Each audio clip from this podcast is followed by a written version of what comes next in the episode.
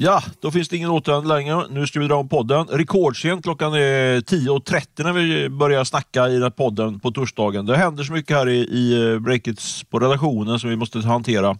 Och så vidare. och så vidare. Eh, mitt emot mig har jag Åsa Johansson. Eh, du är eh, nästan övertänd känns det idag. Ja, supertaggad. Jag hann äta frukost två gånger plus dricka en juice. Härligt. Och vi fick, jag tryckte in en gratisfrukost där precis också. Men finns det, det finns inga gratisluncher och frukostar, men ja, kanske den här gången. Jag vet inte. Vi får se. Vi får se. Du, eh, vi har med oss huvudsponsor som är denna vecka Swedbank, liksom tidigare veckor. Eh, jättebra att de hjälper oss att finansiera den här podden med deras pepp och, eh, och eh, lite cash också kan man säga. Apropå superpeppad så är jag faktiskt verkligen peppad på att vi snart ska göra inte mindre än tre specialpoddar tillsammans med Swedbank. Där en av deras experter på frågor inom entreprenörskap kan man säga eh, ska intervjuas av mig och jag ska få lite tips och råd inför min fortsatta entreprenörsresa. Det får ni verkligen inte missa. Eh, Det kommer komma, de här specialpodden kommer rulla ut i eh, den här poddkanalen, så lyssnar du på den här podden så kommer du även kunna lyssna på dessa poddar. Eh, Är du peppad på att lyssna på det Åsa? Alltid peppad. Mycket bra. Därmed tackar vi Swedbank som, som sponsor och går vidare in i ett nytt segment som kallas för veckans möte. Vill du börja Åsa eller ska jag börja? Ja, men jag vill börja. Vi kör ju våra veckans möten, snackisar och köp och sälj. Och, ja, men vi kör väl igång med möten då, som sagt. Jag har haft så himla många spännande samtal den här veckan. You have no idea. Men nu sitter jag i en sån här sits också där att vissa av de här samtalen får jag inte berätta om förrän nästa vecka. Men ett av de här samtalen kan jag i alla fall berätta om nu. Så Ta det hetaste då. här kommer det. Mm. Vi har ju snackat om Spotify och eh, slaget om kollektivavtalen nästan. Nej, inte riktigt slaget om kollektivavtal. Men eh, det är flera fackföreningar som har ställt krav om detta på det här bolaget. Och nu i måndags fick jag bekräftat av en person som heter Johanna Grens som jobbar på Unionen och eh, Carolina Lindeberg på Akavia att då inleddes de här förhandlingarna. Och en sak som jag tyckte var väldigt intressant här var att eh, alltså, Unionen de var så, så här, tvärsäkra på i min uppfattning, att det kommer bli ett kollektivavtal på Spotify. För ja, jag, jag, jag pratade med då den här eh, Johanna Gren över, över mail. Då. Och då sa hon så här att ja, men från att man inlett förhandlingar tar det oftast mellan två och sex månader till att avtalet tecknats. Det fanns liksom inga om, inga vi får se hur förhandlingen går, liksom vi ser fram emot eh, bra dialog med Spotify och så. Ingenting sånt. Det var bara så här lång tid kommer det att ta. Så det tyckte jag var eh, intressant. Men Spotify däremot, talespersonen där ville inte kommentera alls eh, med respekt för den pågående dialogen. Sa de. Så ja, rappt möte där. Nu vill jag höra om ditt möte. Ja, eh, jag har ju träffat en kille som heter Viktor Gällström och eh, jag träffade honom framförallt för att, eh, för att vi skulle, jag ville uppdatera mig lite kring han- hans verksamhet. Han är en investerare. Han har dragit igång ett investeringsbolag som investerar i tech inom inom den tidigare fasen. Väck heter det, eh, backas upp av Alvén och Didriksson. Vi hade mycket, eh, mycket intressant möte och snack om eh, marknaden och så vidare. och så vidare. Men eftersom det här är på väg att bli någon form av hälsopodd så tänkte jag lämna det där hem till de heta sakerna som Viktor sa i, i, i området och istället gå vidare på hans matvanor. Jaha, alltså det här är ändå intressant. Från liksom tech och ekonomipodd till en woke-podd och till en nu hälsopodd. Ja, nej, men jag var väldigt fascinerad över för vi, Jag hade m- lunchmöte med honom och då sa Viktor direkt när jag kom in på lunchen att uh, jag käkar inte lunch på, på, eh, på måndag, tisdagar, onsdagar och torsdagar. Nähä, Eh, varför inte då? Nej, men han har, han har eh, blivit inspirerad utav eh, någon, eh, jag tror någon amerikansk forskare. Eh, så hans eh, veckoschema ser ut enligt följande.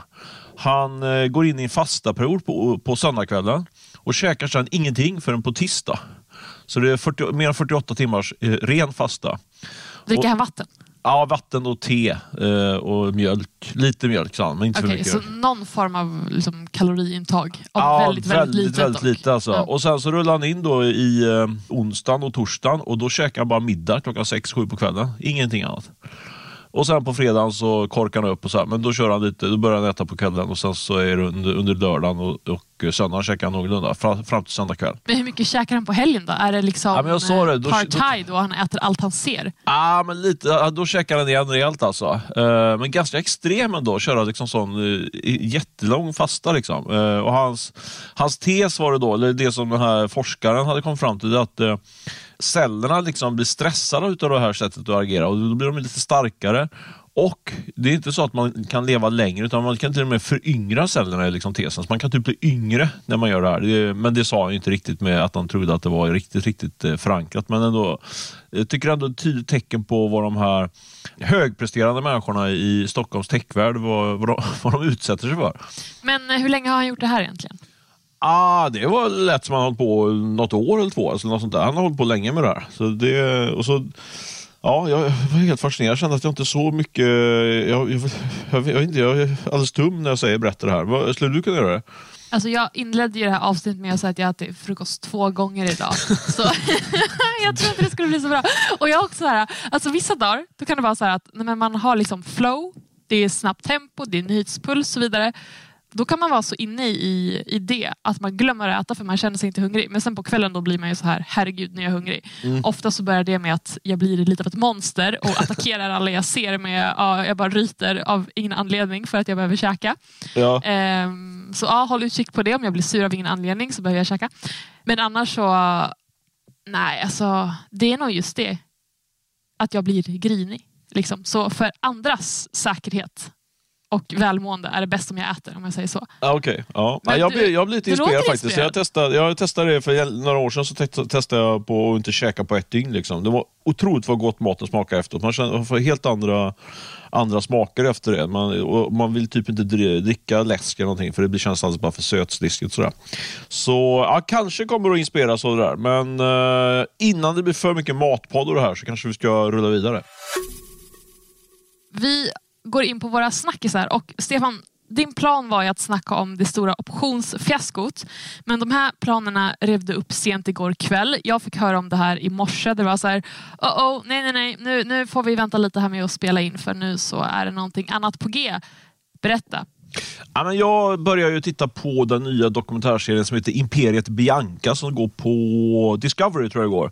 Eh, har fått lite förhands på de avsnitten och eh, jag blev väldigt, väldigt eh, fascinerad över det där. Och, eh, plus att jag är helt eh, eh, övertygad om att det där kommer bli en snackis. Och då känner jag att vi måste, då måste vi plocka upp det. Vi ska ju ta upp snackisarna. Så därför kör vi såklart snackisen på den nya Bianca-dokumentären. Ja men det är klart. Alltså, men alltså Bianca Ingrosso då behöver inte presentera henne så mycket mer än så. Influencer, hon är eh, eh bolagsbyggare kan man ju milt sagt säga.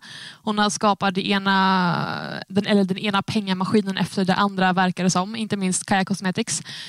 Som sagt, hon är ständigt i ropet vad är grejen nu då? Finns det någonting som sticker ut här eller är det ännu en Bianca Ingrosso-grej? Nej, men det tycker jag verkligen att det finns något som sticker ut. Jag ska återkomma till det, till vad det är som, som sticker ut allra mest. Men till att börja med så vill vi liksom lyfta den här, eh, jag skulle kunna kalla det liksom en entreprenörsdokumentär mycket mer än något annat. Eh, det finns säkert det finns ju en hel del eh, eh, åsikter där ute om Bianca Ingrosso. Men jag tycker att man får en väldigt eh, spännande och fördjupad bild av Bianca Ingrosso. Dels så pratar hon ju mycket om, om eh, sin eh, liksom, psykiska ohälsa och eh, allt hat hon får och så. Men om man är, liksom, lyssnar på den här podden kanske man är eh, också väldigt intresserad av eh, liksom, hennes drivkrafter som entreprenör och hur hon verkligen agerar som entreprenör. Och min känsla är att Många, i alla fall det, om man nu så refererar det, liksom det här hatet som, som kastas mot henne på, eh, i, som refereras i den här dokumentären så är det liksom att hon är, ja, men det är en snygg och kul tjej som bara ställer sig framför kameran och helt plötsligt bara rusar, ramlar miljarderna in på henne. Sådär. Men det är så hat på sociala medier? Eller? Ja, men ja. precis. Och de berättar också att det är så gamla tanter som kommer fram till henne på stan och bara kastar skit på henne. Och så. Det är Oj. fruktansvärt. Aggressivt. Faktiskt. Ja, verkligen aggressivt. Och det finns stalkers. Och, ja, men hon är, hon är, lever verkligen verkligen en utsatt position. Men det man ser här som jag tycker, jag har ju i och för sig hyllat Bianca Ingrosso som entreprenör tidigare också, men här tycker jag det blir väldigt tydligt när man ser henne i vardagen hur hon eh, verkligen strategiskt och operativt är den som är drivande i, eh, i Kaja, både när det gäller innehållsproduktion med produkten och, eh, och liksom hur man lägger upp marknadsföringskampanjerna. Och det är, det är så tydligt att eh, än en gång att hon inte bara är liksom en inom situationstecken influencer utan hon är verkligen med i, i, i det operativa strategiska arbetet. Det var också liksom en eh, dokumentär bakom kulisserna på hur man bygger ett sånt här otroligt framgångsrikt bolag. När, de, när, eh, när de drar igång det här så omsätter de såklart ingenting och sen växer och växer och, nu, och sen kommer då riskkapitalbolaget Verdane in och eh, då går de från typ eh, 100 miljoner till uppåt 500 miljoner kronor på bara bara några år. Så eh, det är ju eh, en väldigt intressant eh, studie av hur det går till när man bygger ett tillväxtbolag. Och det man ser, det, det jag slås av mycket, det är liksom hur extremt pressat det här är liksom hela tiden. Eh, inte bara Bianca eh, själv utan även hennes medgrundare Mikael Snabb och Jesper Match och även ja, alla hennes medarbetare egentligen ligger hela tiden på gränsen och, och eh, bara driver på och driver på. Ah, men då går ju väggen helt enkelt. Alltså de, eh, de sliter ju som djur hela ja. tiden verkligen. Alltså det, att de sliter som djur det är väl ändå det är väl inte jätte förvånande ändå om man lyckas dra ur sig ett sånt där bolag inom, alltså på loppet av så få år som de har gjort det här. Men det är självklart intressant det här. Samtidigt så, alltså, vi och många andra medier har skrivit väldigt mycket om Kaja, om Bianca Ingrosso länge. Så alltså, vad är liksom den stora, stora snackisen nu i den här dokumentären? Ja, alltså, än en gång, jag tycker verkligen att den, den står på egna ben bara, bara för att man får komma bakom kulisserna och verkligen få se på riktigt hur det går till att bygga det här bolaget. Men, men det som jag tror kommer bli den stora snackisen och som jag eh, gjorde att jag fick dra igång den här podden lite senare för att jag var tvungen att skriva en artikel om det faktiskt på sajten. Det är ju det som sker i slutet av avsnitt tre. Det, jag tror att det avsnittet faktiskt släpps eh, först nästa vecka. Men... Är det lite spoiler alert här? eller? Det är lite spoiler alert, men jag tror ändå att ni får, eh, liksom, det är den helheten man tittar på det här programmet. Så nu lyfter vi ut den, den hårda nyheterna i det. För då, men ni får väl stänga av en liten stund annars om ni, om ni är, är, är oroliga för det. Men det som sker, sker i alla fall, gör inte det. Gör inte det. Man kan skippa också. Nej, men det är så här, man får vara med då på på ett strategimöte eh, på Verdains huvudkontor, riskkapitalbolag som köpte in sig i eh, Kaja då 2020 tror jag det var, ja. eh, till en eh, rätt hög peng. Och eh, det är då representanter från Verdane, Henrika Spen och Cecilia Nytorp då från, ehm, från Verdane. Och sen är det då de tre grundarna från Kaja som är med. Eh, Mikael Snabb, Jesper Match och eh, Bianca Ingrosso. Och, eh, ja, men det här mötet börjar på ett trevligt sätt. Eh, Henrik Aspén hyllar eh, entreprenörerna, att de har lyckats eh, överleverera extremt mycket. Eh, och Sen så går det vidare mötet då när när, när Cecilia Ny, Ny, eh, heter hon, Nytorp där, ja, eh, säger liksom att eh, lägger fram liksom en ny plan kan man säga som innebär att de ska gå från, först var ju målet att bli ett, ett eh, halvmiljardsbolag då, enligt det här de refererar. Okay. Nu ska det bli ett miljardbolag. Mm -hmm. och, och då ser man, det är klippt så här, liksom, då ser man verkligen hur och då har man ju då hela det här hetsiga livet som Bianca har eh, levt under de här första två avsnitten och in, in i det tredje avsnittet. Och Då ser man eh, hur, liksom, hur extremt obekväm hon blir när man, när man hör liksom, nu är helt plötsligt dubbla omsättning igen. Då. Och eh, hon... Eh, ja, men, eh, känslan i rummet är eh, att det är de här tuffa riskkapitalisterna som sitter liksom och, och uh, lite grann pressar de här, de här entreprenörerna. Eh, och sen då det som sker, det som jag tror kommer bli den stora snackisen, det är att efter mötet då så säger hon i en eh, one-to-one intervju då att eh, för det första att hon, hon ville inte sälja Kajan när hon gjorde det. Så det var det ena. Och Det andra är att hon säger att det var, liksom, det, var det största misstaget jag gjort i mitt liv, att sälja Kaja. Och ja, hon verkar ju verkar helt enkelt ångra sig. Men det låter ju inte alls bra. Vad är, vad är din take? För det första är det ju väldigt intressant det här med att eh, hon säger att jag vill inte sälja det. Vad innebär det då? Är det att eh, Mikael Snabb och Jesper Match, då, hennes medgrundare, drev de på den här affären och, så, och liksom tryckte igenom att, att de skulle sälja? Det verkar ju varit en, eh, varit en uh, olika åsikter helt enkelt i, i grundarteamet om hur man skulle, ju, huruvida man skulle sälja eller inte. Det, det tycker jag är en intressant aspekt.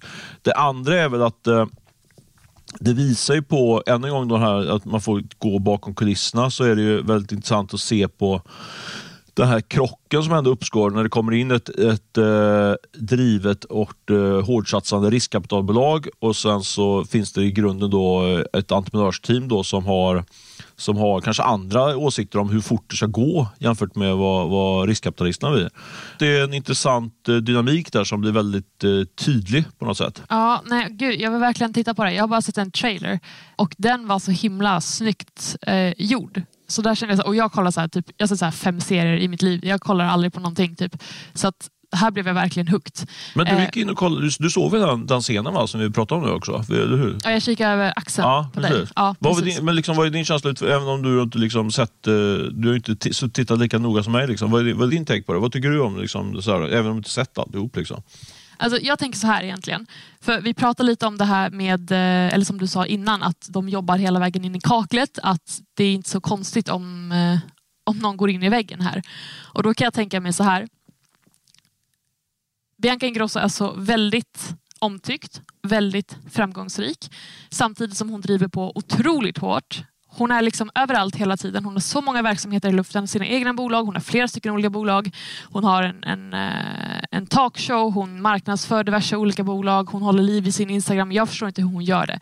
Så jag skulle kunna tänka mig att hon Ja, det behöver inte vara nu, det kan ha hänt för länge sedan. Verkligen har känt så här, okej, hur mycket mer framgångsrik behöver jag bli? Hur mycket mer behöver jag?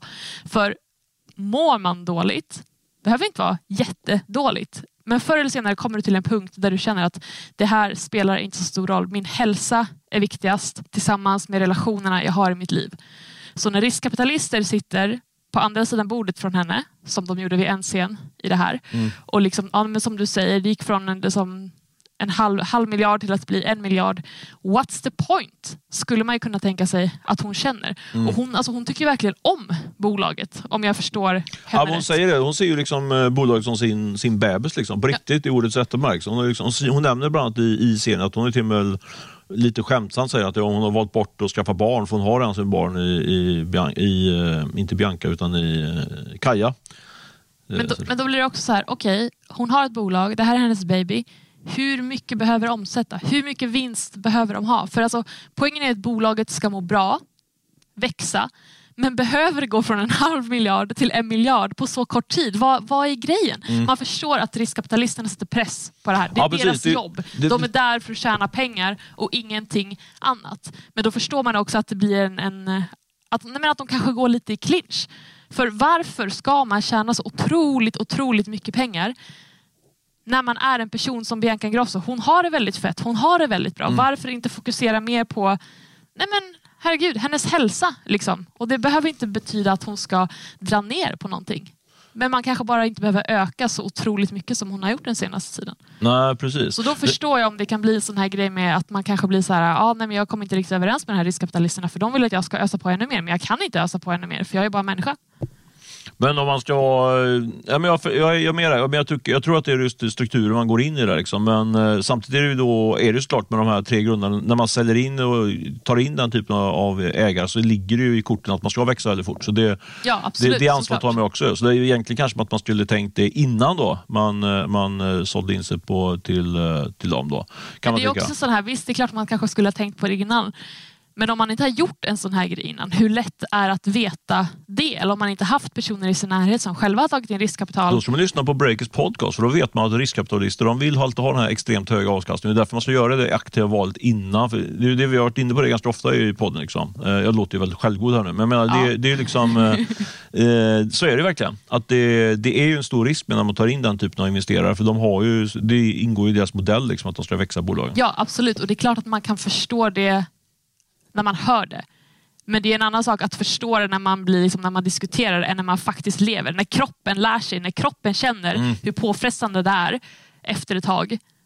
Nej, men då, det blir en helt annan grej. För det är klart att man, alltså, vem har inte tagit på sig alldeles för stora projekt eller öst på alldeles för mycket och tänkt att det här kommer bli hur bra som helst. Mm. Oavsett om det är bolag eller någonting annat. När man blir trött och blir riktigt himla trött och kroppen inte pallar.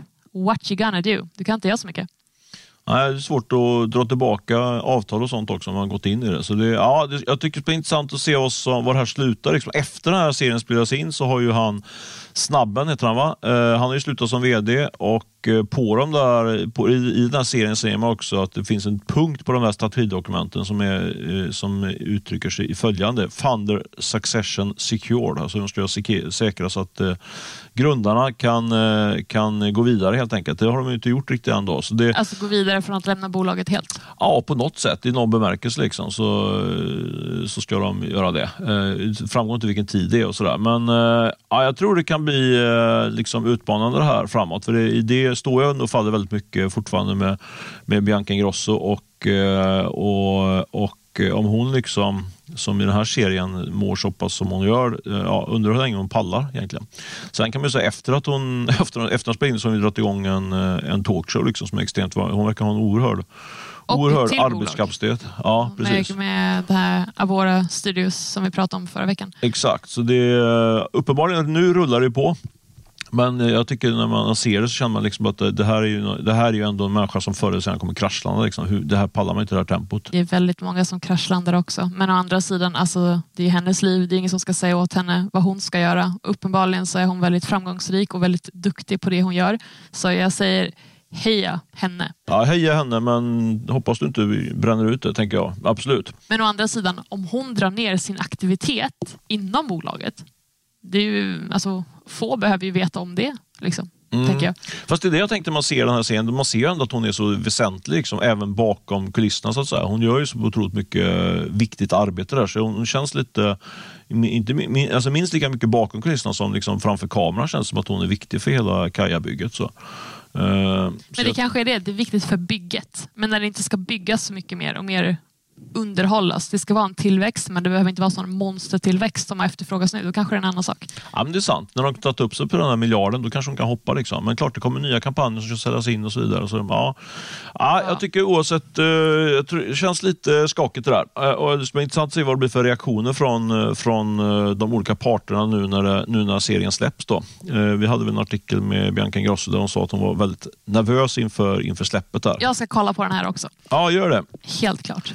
Vill vi säga någonting mer om det eller ska vi gå vidare till vår andra snackis? Nej, jag tycker vi rullar vidare på nästa snackis. Då kommer den här. Det är ju så här va, att det här med jämställdhet fortsätter vara omdiskuterat och omdebatterat i näringslivet. Det är verkligen en het potatis. Och nu tror jag att det kommer slängas på ännu mer bränsle på den här brasan för att eh, Gina Zachrisson som är chef för eh, mäklardesken på investmentbanken Goldman Sachs här i Stockholm är nämligen aktuell med boken Maktskifte jämställdhet enligt kvinnliga näringslivseliten.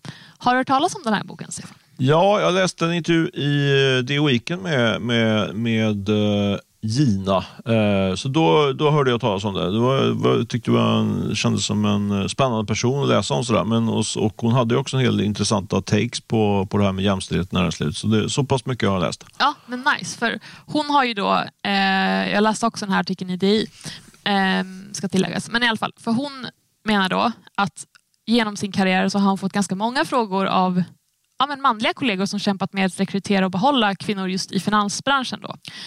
Och I den här boken då, som hon är aktuell med har hon intervjuat så många som 50 kvinnliga finans och näringslivshöjdare om just jämställdhet och makt. Och Syftet var då att prata med de här personerna som verkligen, verkligen har gjort karriär och fråga dem så här, men vad, vad är problemet liksom här och vad, vad ska man göra åt saken? Och det är mängder av eh, höjdare i den här boken. Eh, för att nämna några. Eh, Ulrika Saxon, VD på Bonnier Ventures, Åsa Wallenberg, VD på SPP Fonder och Susanne Najafi, VD på Backing Minds. Ja, riktigt tunga namn. Men vad säger de då? Vad är liksom kontentan av, deras, av de här intervjuerna? Ja, men alltså, lång historia kort då, så äh, liksom, hyllas det svenska välfärdssystemet mer eller mindre och att det är toppen på många sätt. Men inte när det kommer till kvinnors möjlighet att göra karriär. Och en sak som skaver, och det här har ju varit uppe på tapeten om och om och om igen och det är att när man skaffar barn så är det någonting som händer. Kvinnor tar större del av föräldraledigheten och man halkar efter karriären. Eh, och att kvinnor då tar mest ansvar hemma även efter föräldraledigheten. Sen finns det också en punkt om åldersfixering och diskriminering eh, som också var ett återkommande ämne och det handlar om att ja, men efter 50 när kvinnor verkligen kan fokusera på karriären, nej men då är man liksom bortsållad. Ja, det känns lite deppigt. Efter 50 så går man in i karriären och det är lite, lite sent kanske. Ja, det är lite sent. Jag antar att hon har några konkreta förslag eller är det här mer att hon bara beskriver problemen? Ja, nej, nej, nej, absolut inte bara problem utan eh, hon har helt klart konkreta förslag här. Mm. Eh, en intressant grej så är att majoriteten av de här som intervjuat de är emot kvotering medan hon själv tycker att nej men, absolut, all for it. För att det krävs för att liksom vänja sig vid att rekrytera och arbeta med kvinnor på liksom högre positioner. Och En sak som jag tyckte var väldigt intressant. Stockholmsbörsens öppettider. Mm. De är idag klockan 09 till 17.30 som vi alla vet om. Och En åtgärd för omständighetens skull eh, vore då att ändra den här tiden för att jobba inom finans och jobba mot börsen och hämta på dagis runt de här tiderna. Det är, eh, det är tajt, helt enkelt. Verkligen 17.30, då hinner man ju inte. De stänger över sex ofta. Det gjorde de på min tid i alla fall, på dagis. Dagis. Ja, man kanske inte får säga dagis förresten. Jo, Föris. det får man. Om man säger dagis nu så är man ju... Förskola då, men jag säger dagis. Ja. Ja, snyggt. Så det var en grej vilket jag tyckte var väldigt intressant. Jag måste bara flika in Ja. på den, för jag, för jag fick eh, faktiskt cred från eh, Sveriges största börspoddare, Börspoddens John Skogman, för den där artikeln som jag hade då. Då frågade jag honom för just det här med, med börsens öppettider och så, vad han tyckte kring det. Eh, Ja. en, han är ju en sån här supertrade liksom. Och han var ju helt inne på det, han höll, ju- höll ju helt med henne. Eh, i, i, I New York så är, då är ju tydligen börsen öppnar 9.30, en halvtimme efter Stockholm då, och stänger den klockan fyra. Så uppenbarligen kan ju liksom den största börsen i, i världen klara av det här. Så det finns ju ingen anledning egentligen. Att- då borde väl Stockholmsbörsen Nej, också... sen fanns det också liksom det här med att eh, eh, många av rapporterna släpps då efter stängning i USA. Då hinner man ju sitta och analysera rapporterna. Nu i, i Sverige så bara kastar de ut dem och så blir det värsta eh, trainingen på dem. Varför stänga så sent? Liksom? Det, det, det, det förstör ju mycket. Tänk om Stockholmsbörsen skulle ändra sina öppettider på grund av det här. För att man ska hinna hämta på dagis ändå. Helt otroligt. Det hade, det hade ju varit historiskt.